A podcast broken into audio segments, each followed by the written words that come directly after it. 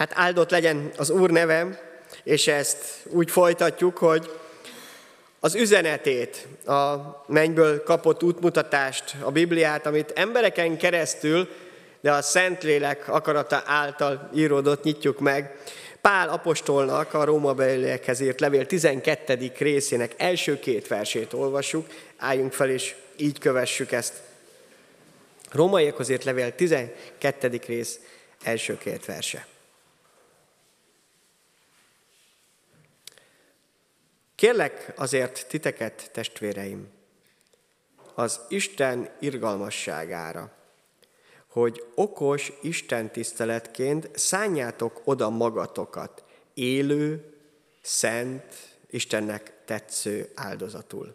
És ne igazodjatok e világhoz, hanem változatok meg értelmetek megújulásával, hogy megítélhessétek, mi az Isten akarata, mi az, ami jó, ami neki tetsző és tökéletes. Mennyi atyánk, most erre kérünk, hogy a te szent lelked, aki által íródott mindez, legyen a mi tanácsolónk, aki megnyitja előttünk a szívünkben is a Te igédet. Az Úr Jézus Krisztus nevében kérjük ezt. Amen. Foglaljunk helyet. Új időszak kezdődik az életünkben, hogy már elhangzott, nyakunkon az ősz, az iskola kezdés, ne emlegesse mennyire. Úr is jobban van látom, hogy azt is mutatta azt, hogy nem annyira szeretne iskolába menni, ez szerintem teljesen természetes. Még ha azt várjuk is, hogy jaj, de jó találkozni az osztálytársakkal, vagy a leendő osztálytársakkal, akkor mégiscsak ott van bennünk, hogy azért ez egy más világ. És normális az, hogyha tartunk netán még félünk is dolgoktól, idegen dolgoktól, csak nem szabad, hogy ez az életünket leterhelje, lebénítsa. Mi a különbség a hívő ember és a úgymond hitetlen ember közül? Az Isten követő és az Isten nélkül járó ember között. Ugyanabban a világban élünk, ugyanazt a kenyeret esszük, ugyanabban a boltban megyünk vásárolni, ugyanolyan munkahelyen dolgozunk, de mi a nagy különbség akkor? Mindegyikünknek kérdés az, hogy milyen életet éljünk. És föl is teszi minden ember, vagy föltesszük ezt, hogy milyen életet éljünk. Ja. Hívő ember, az Istenben bízó ember arról ismerhető meg, és először magunkba szívünkbe, hogy mi nem csak ezt a kérdést szeretnénk föltenni, hogy milyen életet éljek, hanem azt, hogy az Isten szerint, az Isten akarata szerint milyen életet éljek. Ugyanaz benne van, hogy milyen életet éljek. Csak bekerült egy mennyei dolog is. Isten szerint milyen életet éljek. Ugyanott, ugyanazon a helyen, ugyanazokkal a nehézségekkel, kihívásokkal, az Isten szerint milyen életet éljek. Hogyan éljek? Miként élhetek igazi e, életet? Ez mindenkinek fontos. Hogyan élhetek boldog életet? Hívőként, Istenben bízóként azt mondom, hogy hogyan éljek, élhetek Istennel ebben a világban, itt, ezekben a körülményekben. Hogyan élhetem meg azt, hogy az Isten velem van? Mit tegyek, mit cselekedjek? Mi legyen a következő lépésem? Hívőként azt szeretném kérdezni, hogy mi az Isten akarata? Mi az Isten akarata, hogy én mit tegyek? Mi az, amit ő szerinte helyes, jó, tökéletes? Ez nagyon elkülöníti. Nem a vallásos és a nem vallásos embereket, hanem a, akik tényleg Istenben bíznak, hisznek, és azokat, akik nem foglalkoznak ezzel. Lehet, hogy valaki templompadba ül, de ugyanúgy nem az a kérdése, hogy Isten szerint milyen életet éljek. Hogyan éljek Istennel. Hogyan ismerje meg az ő akaratát, és, és mit tegyek.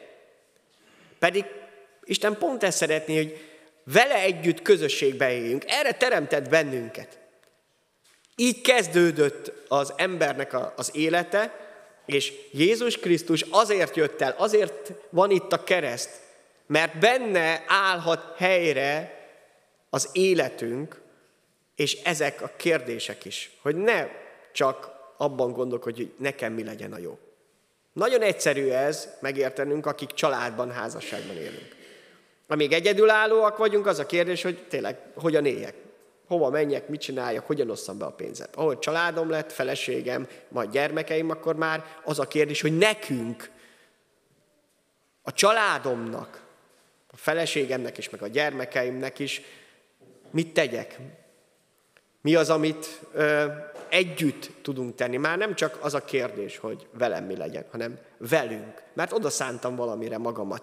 És ezek mind-mind valamilyen áldozattal járnak, minden kapcsolat is, a házasság is, egy barátság is, Isten is az ő valódi teremt, valódi szeretetéből ezt az áldozatot meghozta. Eljött közénk, emberré lett, minden nehézségünket, fájdalmunkat átélte, sőt, felvállalta ezeknek a büntetését is a kereszten. Ez volt az ő áldozata. A mi áldozatunk kérdéses most, és hát ha nehéz időszakot élünk, felforgatott világban, és lehet, hogy ez nem a vége még. Lehet, hogy ez csak a előszele annak, ami vár ránk. Néhány évvel, évtizeddel ezelőtt nagyon jónak tűnt a kilátása az életünknek, hogy minden egyre szebb lehet, gazdagabbak leszünk, jobb életünk lesz. Most is ott van ez, de iszonyan beárnyékolta azt, hogy ez hihetetlenül törékeny. Egyik pillanatra a másikra ez eltűnhet.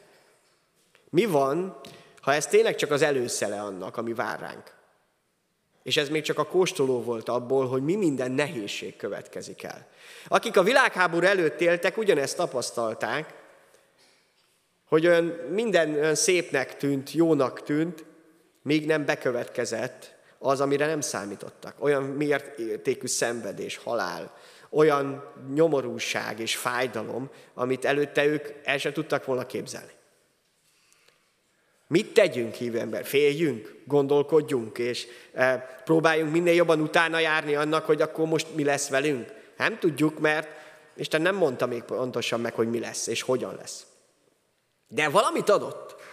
Ha tényleg az a kérdésed, hogy Isten szerint hogyan éljen, hogyan éljél Istennel, egy az, amire legfontosabb koncentrálnod, hogy miért élsz a Földön. Isten mire adta ezt a néhány évet, évtizedet az életedből, hogy megtaláld a helyedet, és azt a feladatot, szolgálatot, elhívást végezd, ami az Isten szerint való, amit az Isten dicsőíti. Na ez az elhívásod. Ha ebbe vagy, teljesen mindegy, hogy milyen nyomorúság következik. Azért, mert akkor a helyeden vagy. Azt teszed, amit kell, és bármikor lesz vége az életednek, bármelyik pillanatban, akkor abból kerülsz ki, amiben kell, hogy legyen. Ha nem találtad meg ezt, keresd meg minél sürgősebben. Isten meg fogja nyitni. Azt mondta, azt ígérte, hogy aki keres, az talál. Aki kér, az kap. Aki zörget, annak megnyitatik. De ezt a kérdést ne engedd el. Hogy mi az én feladatom, szolgálatom, helyem, és ha tudod és megértetted ezt, akkor szándod a magadat. Pál erre biztatta Isten népét a gyülekezetet is, hogy ebbe legyünk benne. Úgy mondja, hogy kéri, könyörög ezért. Nagyon érdekes ez a kifejezés, azt mondja, hogy kérlek tehát titeket, testvéreim, az Isten irgalmasság, kérlek. Ez a kérés olyan fajta kérés, aki, mert benne van az, hogy aki ezt meghallgatja, annak egy vigasztalás is jelent. Nagyon érdekes, hogy ugyanez a kifejezés, ez a kérés, a Szentléleknek, a pártfogónak is a neve be, van benne. Ez a úgynevezett paraklétos, néhányan ismeritek, van ilyen kiadó is. Ugyanez hangzik el, mint kérésként. Isten kér bennünket, most Pálapostolon keresztül, a Szentléleken keresztül, az ő irgalmasságára, jóságára, azt, hogy azt tegyük, ami a mi életünkben helyreállás, szabadságot, bátorítást hozhat, és ne össze-vissza keresgéljünk emberi megoldások között, mert találunk jobbat az egyiknél, meg a másiknál, de a jót, a legjobbat, azt csak az Istennél tudjuk megtalálni. Ennél kevesebbel nem érdemes beérni. Az 1 Mózes 1.27-ben olvassuk a Biblia legelején, és azért érdemes ezt sokszor a kezünkbe venni, mert ott a, az eredeti felállást láthatjuk. Megteremtette Isten az embert a maga képmására, Isten képmására teremtette férfivé és nővé. Ebben sok minden benne van, még a mai világra is rengeteg üzenet, de most arra figyeljünk, hogy az eredeti az az Isten. Ő az eredete, a forrása mindennek, és a képmás pedig te vagy, és ez összetartozik. Az alkotó és a, a kép. Kinek van arra joga, hogy egy festményt átfessen? Átrajzoljon, kiavítson. A mesteren kívül mindenki csaló, aki hozzányúl. Mindenki. Mindenki. A mesternek van joga. Ő van joga arra, hogy össze másképp rajzoljon valamit, meg átfessen. Van joga hozzá, mert ő készítette. Mindenki más, aki belenyúl, az vagy kontár, vagy csaló. Jézus erre utal egészen más összefüggésben, hogy, hogy a kísértő, az ördög, az embergyilkos, és tönkre akar mindent tenni. Na ezt a képet tette tönkre a hitetlenségünk. De Istennek továbbra is joga maradt ahhoz, hogy akár kiavítsa ezt a képet. Helyreállítsa. Ő az alk- Neki joga van, senki másnak nincs ehhez joga belenyúlni. Ő az alkotó, az eredetéhez, mi oda tartozunk. Ezért annyira nagy kérdés, hogy oda megyünk-e az Istenhez. A forráshoz, az eredethez, az alkotóhoz, a teremtőhöz, akinek van joga és lehetősége is, mert ő álmodta ezt meg, ezt az életedet, hogy a legjobb, a leges legjobbat hozza ki belőle. A Jakab 1.27-ben azt olvassuk, hogy mit is jelent az Isten tisztelet, az igaz Isten tisztelet. Hiszen nem annyiról szól, hogy eljövünk vasárnaponként, és együtt ünneplünk a többiekkel, Isten népével. Ez egy kerete ennek. Az Isten tisztelet ilyenekről szól, az tiszta és szeplőtelen kegyesség, Isten tisztelet, az Isten és az Atya előtt meglátogatni az árvákat és az ögyvegyzeket nyomorúságukban, és tisztán megőrizni az embernek önmagát a világtól. Észrevenni és foglalkozni a kiszolgáltatottakkal. Miért fontos ez? Aki többször olvasta már az Ószövetséget, abból annyira előtűnik, hogy Isten az árvák és az ögyvezek istene. Azt mondta, hogy őket különösen körbeveszi. Pedig a fizikai életben ez nehéz, de ha az Isten dolgaiban szeretnénk előjutni, akkor azok lesznek előttünk is fontosak, ami neki is. Igen, neki fontosak a kiszolgáltatottak, akik az emberi bűn miatt, az elmúlás, a halál miatt kiszolgáltatottak lettek, lesztek, akik úgymond nem tehetnek a helyzetükről. És Isten is szolgál feléjük, és rajtad és rajtam keresztül szeretne. És ezért fontos észrevenni, meglátni, és a másik oldalon pedig nem engedni, hogy tönkre tegyem önmagamat. Hogy tisztán megőrizhessem magamat az embernek önmagától. Nem engedni azt, hogy valami eltorzítsa azt a képet, amit az Isten elkészített. Nem egy önző és önpusztító életet élni. Ha mondja, ha nem mondja a környezet, a világ, a korszellemünk, pont ezt mondja, egy önző életet él, mert megérdemled, mert a tiéd, mert neked kell a legjobbat tenni. Nem számít az, hogy ez hány ember tesz még tönkre, kit hogyan eh, érintesz, az a lényeg, hogy te ez az önzőségnek az alapja. Amikor nincs mi, meg legfőképpen, ha hitbe kérdez, nincs Isten benne a kérdésbe. És ugyanúgy a másik oldalon pedig egy önpusztító élet. Rengeteg olyan szert használunk, amivel önmagunkat pusztítjuk. De mégis beleépül az életünkben nem akarjuk megőrizni magunkat, vagy nem erre figyelünk. Istennek van egy terve ezzel kapcsolatban, és azt mondja, az igaz Isten tisztelethez ez hozzátartozik.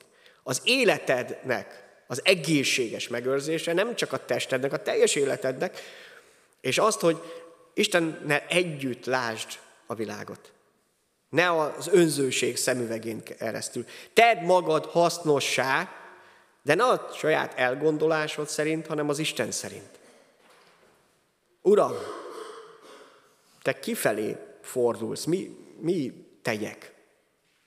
Mit tegyek azokkal, akiket te is látsz? Nincsenek véletlenek az életedben, hogy kit hoz eléd az Isten, kit kerül eléd. Igenis, meg kell tanulni hívő ember életében, hogy, hogy ezekben a helyzetekben megkérdezzük az Urat. Imádkozzunk, hogy Uram, mit tegyek? Milyen feladatom van? Mire bíztál? És ne elforduljak, és ezt kihagyjam az életemből. Az első áldozat, áldozás a Bibliában ott található, amikor az első testvérpár, Kain és Ábel visz áldozatot Istennek. Egy idő múlva Kain áldozatot vitt az Úrnak a föld terméséből, Ábel is vitt elsőszülött bárányaiból, azok kövéréből. Az Úr rátekintett Ábelre és az áldozatára. Miért szükséges az áldozat?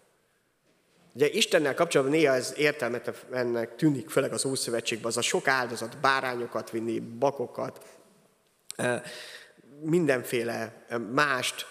Hogyan működik ez? Gondolja egy végig az előző példán, hogy az áldozat az összekapcsol bennünket. És ha mind a két fél hoz áldozatot, akkor ez egy nagyon erős szövetség. És ilyen a házasság. Van-e olyan, hogy egy házasságban ne kelljen minden két félnek, férnek és feleségnek is áldozatot hozni? Ha nem hoz áldozatot az egyik, csak a másik, az nem házasság. Tegnap volt egy érdekes példa erre, ugye, ez a kutya meg a kullancs esete, hogy akkor körülbelül ezt érjük át. Áldozatot hozni kell ahhoz, hogy valami összekössön bennünket. És itt talán megértheted azt, hogy mit jelent az Isten felé való áldozat. Csak ez köt össze hoz Istenhez téged.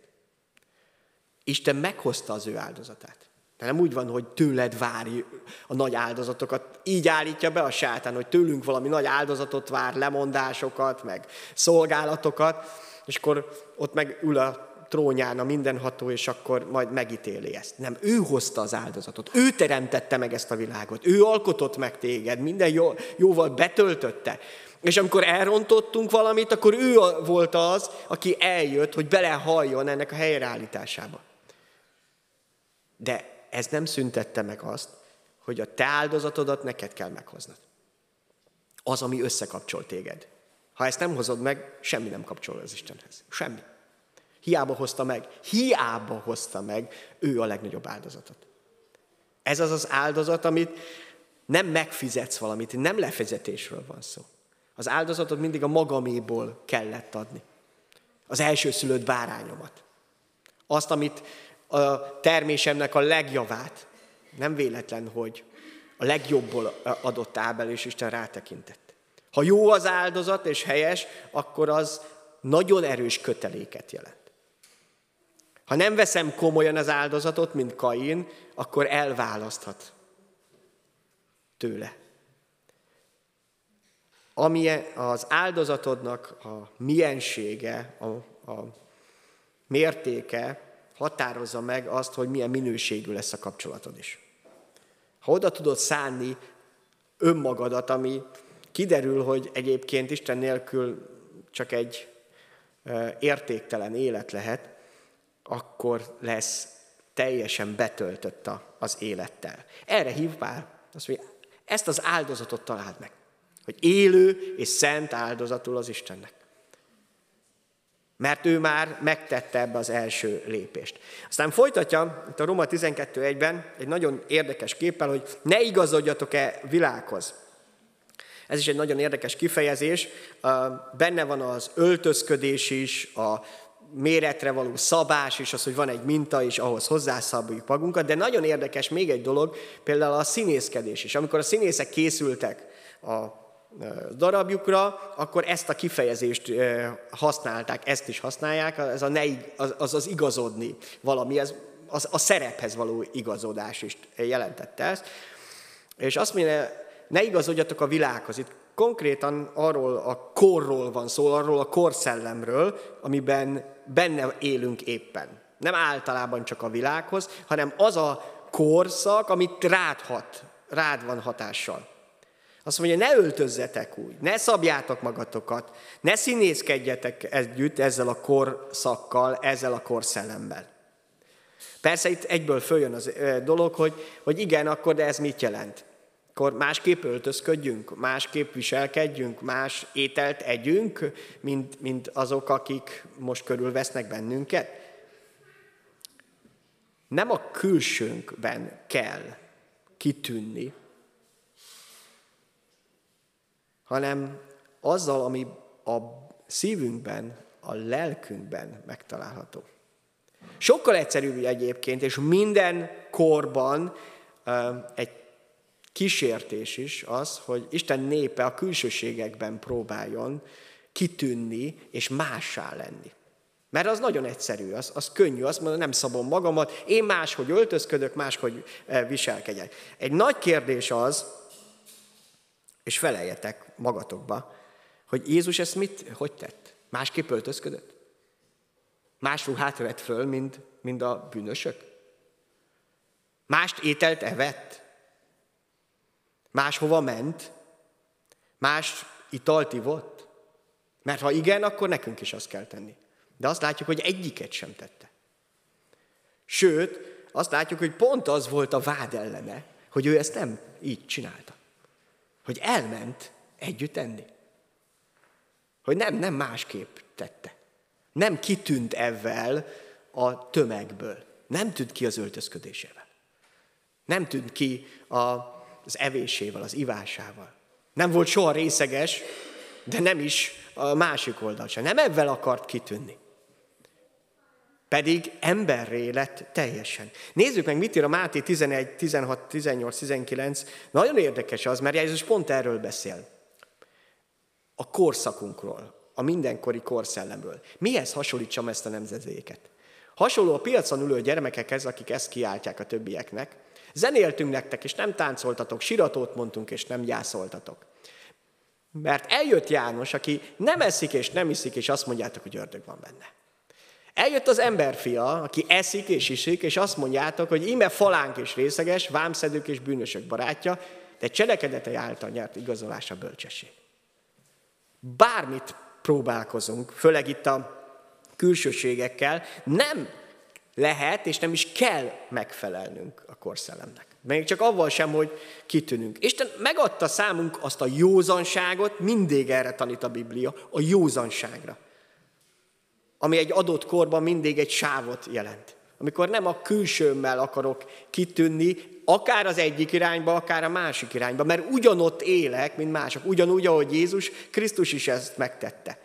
A vélemények hol itt vannak, hol ott. Akármit fog csinálni, egyébként nem lesz olyan, hogy mindenki megsimogat. Sőt, azt mondja Jézus, az nagyon nagy probléma, ha itt mindenki dicsér, mert akkor valami, az biztos, hogy nem őszinte. Mert akkor valami az manipuláció van.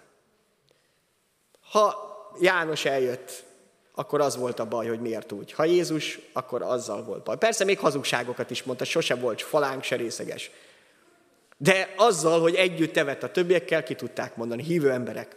Ezt ma is megcsináljuk egymással kapcsolatban, mert legkönnyebb külsőségekben alkalmazkodni, vagy eltérni a világtól. És mert az könnyű számon kérni is egymásról. A legelőször ez látszik, hogy hogyan nézünk ki. De Isten ennél sokkal többre hívott el, és nem ebben. Ha Jézus nem ebbe, a mi Urunk, nem ebbe, Pál nem ebbe tette meg, nem látjuk azt, hogy bárhova ment volna Pál, és azt mondja, hú, így szeretnénk költözködni. Vagy így szeretnénk éppen étkezni. Pál teljesen természetes volt, hogy az örömhírt vitte, hogy felszabadítson bennünket a külsőségek alól, nem azért, hogy bármit úgymond csináljunk, hanem pont az, hogy áldássá legyünk. Hogy ne ez legyen a lényeg az életünkben, hogy hogy nézünk ki, mi a véleményük másoknak róla. Hanem végre eljussunk arra, hogy mi a vélemény az Istennek rólam. Helyesnek tartja, amit teszek, ahogy élek, ahogy beszélek. Netán, ahogy próbálok megfelelni másoknak. Zsoltárok a 40. rész 5. vers egy egyszerű segítség. Boldog ember az, aki az Úrba veti bizalmát, nem igazodik a kevélyekhez és az elvetemült hazugokhoz. Semmilyen külsőségekről nem beszél. A büszkékhez, a kevélyekhez akik másokat lenéznek, és azt mondja, akik hazugsággal próbálnak elérni sikereket. Mert ugye azzal könnyebb becsapni magunkat, vagy boldog akarsz lenni, akkor Istenhez kell igazodnod. Mert a másik az mindig ideig való boldogságot hoz el. Én is sportoltam. Hihetetlen mennyiségű energiát kell befektetni, hogy ott álljak a dobogó tetején, és értem szóljon a himnusz. Még ennél kisebbért is nagyobb energiát kell befektetni. Nagyon jó érzés. Jó érzés valakinek látni, leírva a nevét egy papíron, vagy egy újságba. Ezek mulandóak. Nagyon hamar elmegy. Jön a következő ember, aki még sikeresebb lesz, vagy más, más tesz, és csak az emlékek megmaradnak belőle. Ha boldog akarok lenni, akkor az Istenhez kell igazodnom. A győzelmet, amit nem vehetnek el tőled, azt nála lehet megkarábni. Amikor a mindenható teremtő fogja azt mondani, jól van, jó és hű szolgál. Az Efézus 2, 1-től 5-ig megint csak ebbe segítség, hogy mit is jelent ez a megváltozott élet. Mit jelent felfedezni Istenben a helyünket. Titeket is, már nekünk mondja, akik megismertük Isten kegyelmét, életre keltett, akik halottak voltatok védkeitek és bűneitek miatt, amelyekben egykor éltetek a világ életmódja szerint, igazodva a levegő birodalmának fejedelméhez, ahhoz a lélekhez, amely most az engedetlenség fiaiban működik. Egykor mi is mindannyian közöttünk éltünk, testünk kívánságaival, követtük a test és az érzékek hajlamait, és a harag fiai voltunk természetünknél fogva éppen úgy, mint a többiek. De Isten gazdag lévén az irgalomban, az ő nagy szeretetéért, amelyel minket szeretett, hogy minket is, akik halottak voltunk a vétkek miatt, életre keltett Krisztussal együtt, kegyelemből van üdvösségetek. Öltözködni a halott ember nem tud mert képtelen rá. Mások öltöztetik föl, akár csak a temetésnél is. A halott ember nem képes Isten öltözetét felöltözni. Csak az, aki feltámadt vele együtt, akit életre keltett az Isten. Ha pedig életre keltett, akkor el kell kezdeni vele együtt öltözködnünk. A lelkünket. Letenni az, ami nem odavaló, és fölvenni az, ami szerinte való. Nagyon egyszerű kipróbálnunk azt, hogy mennyire fontos nekünk a külső vagy a belső. Eljöttél ide Isten tiszteletre. Mennyit foglalkoztál azzal, hogy milyen ruhát vegyél föl, és az rendes legyen Nem baj, ha ezt tetted, nem már kérdés. Gondol végig, hány percet, tíz percet, fél órát kellett. Addig, mi kiválasztottad, előkészítetted, megmosakott, minden, ami ehhez tartozik. Ez egy teljesen természetes folyamat. Ezt ismered, ez az emberi részünk. És mennyit foglalkoztál azzal, hogy a lelked úgymond felöltözzen, elkészüljön. Hogy Isten tudjon veled beszélni. Itt is a testvéreiddel, hogy áldást hozzál. Hogy ne csak úgymond becsöppenjél, és a kritikai szemüvegeden keresztül mindent megvizsgáljál, hanem az Istennel együtt jöjjél és menjél. Arra mennyi időt szántál? Nagyon egyszerű kérdések. És össze lehet hasonlítani a kettőt, nem az, hogy ne foglalkozzál a külsőddel. Mert itt élünk, és Istentől kaptuk ezt is. De az Isten együtt az a felfedezés, hogy igenis nem csak nem feladatunk van avval, hogy a szívünkkel, a lelkünkkel foglalkozzunk, hanem az Isten ezt szeretné szépé tenni. Hogy ne a ruházatod legyen csak szép és csinos és megfelelő a közösséghez, vagy ide, vagy bárhova, hanem a lelked. Hogy beszélgetnek majd veled, és előjön, hogy szép a lelked. Ha fájdalomokkal teli is, vagy sebzett, akkor is. Mert az Isten ott van vele, ő az, aki veled együtt ezt megéli. És van egy nagyon érdekes kifejezés itt a Róma 12.2-ben. Azt mondja, hogy változatok meg az értelmetek megújulásával. Többen ismeritek azt, hogy itt egy gyönyörű magyar szó van, elrejtve, amit ismerünk, a metamorfózis már csak azért mondom ezt, mert használjuk, legalábbis különböző tudományterületen. Ez az, amit biológiában arra is használnak, amikor a hernyóból pillangó lesz. Ez a metamorfózis. Ez a kifejezés van szó szerint, amikor az, a, az értelmünknek a, a megújulásáról van szó.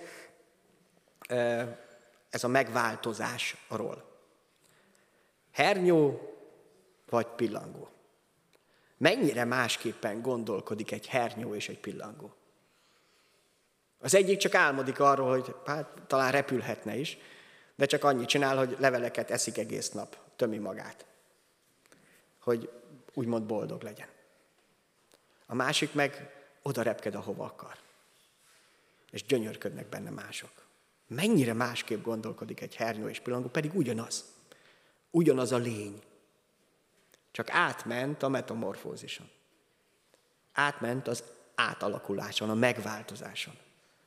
Isten mindig tanít egyébként a teremtésen keresztül, azért teremtett ilyen dolgokat is, hogy lelki folyamatokat is érzékeljünk. Egyet tudni kell, hogy az esetek szinte mindegyikében ez a megváltozás, ez olyan titokban történik. Begubózik a, a hernyó, és akkor történik. Ez nem látszik kívülről. Ez belül megy végbe, mindegy szinte csodaként, Persze azóta már lefilmezték, megnézték, hogy, hogy mindez eh, hogyan eh, történik, de ott belül. Pont úgy, ahogy az Isten átalakítja a szívünket és a lelkünket. Ugyanaz maradsz, ugyanaz a lény lettél, de mégis egészen más. Hernyóként gondolkodni, vagy pillangóként. Aki csak a hasára gondol, vagy éppen egy csodálatos szárnyalás lehet eh, az élete. Egészen más. Istennel és Isten nélkül.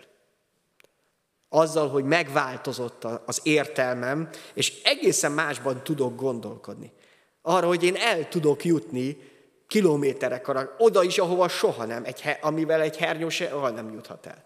Mert csak az egyik levéről tud átjutni a másikra. Pillangó meg bárhova. Persze ez egy kép csak természetesen, de az Istennel együtt ugyanígy egészen máshova tudsz eljutni ezzel a megváltozott élettel.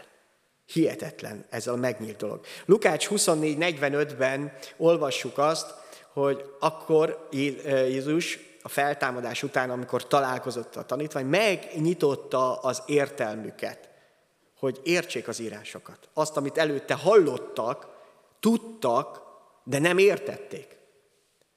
Megnyitni az értelmemet. Ezt, ezt az Isten tudja akik találkoztak a feltámadtal, hogy egyszerűen az értelmem, az, amivel gondolkodok, már elkezdjen tudni pillangóként szárnyalni.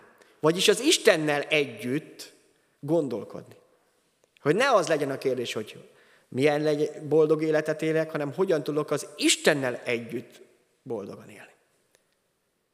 A Galata 6.4-ben azt olvassuk, hogy mindenki a saját tetteit vizsgálja meg, mert ugye a római levél pont ez volt, hogy meg tudjuk ítélni, meg tudjuk vizsgálni, akkor csak is a maga tetteivel dicsekedhet, és nem a máséval. Megítélni, megvizsgálni először magunkat kell. És ebből ezek után következik az, amire a felolvasott igényben, Róma 12 utal, hogy az Isten akaratát megvizsgálni és megítélni, megérteni hogy mi az, ami nekünk fontos ebből, ami ránk vonatkozik.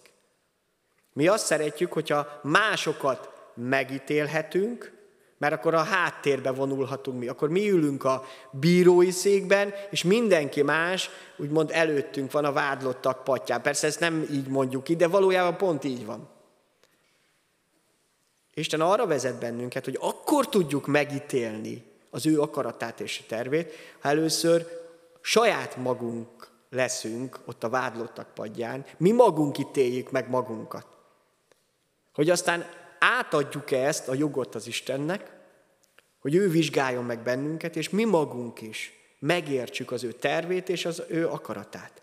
És akkor legvégén csak egy-két ige az Isten akaratáról, amit nyilvánvalóvá tett számunkra.